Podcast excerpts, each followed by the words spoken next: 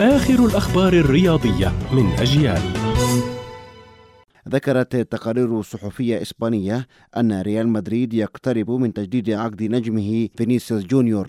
وقالت صحيفة ماركا إن الملكي سيجدد عقد فيني لعام 2028 ومنحه راتبا سنويا قدره 10 ملايين يورو.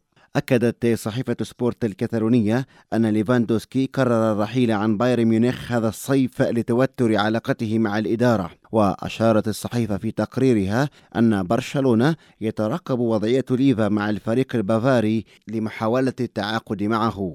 ويرتبط اللاعب بعقد مع بايرن ميونخ حتى عام 2024 ويتقاضى 20 مليون يورو سنويا.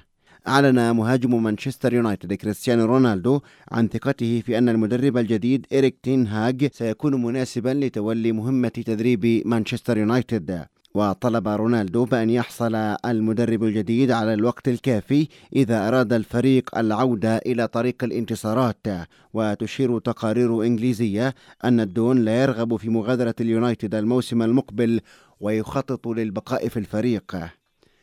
تأهل الوداد البيضاوي المغربي إلى نهائي دوري أبطال إفريقيا رغم تعادله بهدف لهدف مع ضيفه بترو أتلتيكو الأنغولي في إياب نصف النهائي وفوزه بأربعة أهداف لهدفين في النتيجة الإجمالية للذهاب والإياب. كانت هذه أبرز الأخبار الرياضية. كنت معكم محمد سمحان.